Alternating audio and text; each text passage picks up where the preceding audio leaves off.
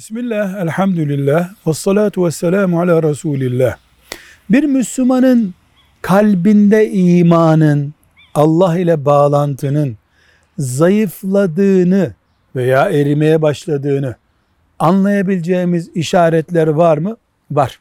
Birincisi, tevhid dini Müslümanlığın Müslümanlarından birisi olduğu halde tevhidi hayatının en önemli konusu yapmıyor olmak.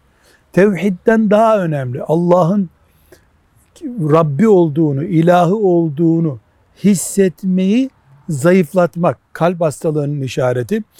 İbadetlerden zevk alamıyor olmak. Mesela işte yanmamak için mecburen namaz kılacağız gibi bir ibadet yapmak. Üçüncüsü günahlarda ısrarcı olmak. Müslüman günah işlemez denmez. İşleyebilir ama günahında ısrarcı olmaz. Tövbe eder bir daha o günaha dönmez. Hiçbir şey olmamış gibi devam ediyorsa Müslüman kalp zayıflıyor demektir. Müttaki insanlara mesafeli durmak, Allah'ın dostlarına karşı düşmanlık yapmıyor ama onlarla iç içe olmayı da arzu etmiyorsa mesafeli duruyor. Bu da kalpte bir iman zayıflığını gösteriyor.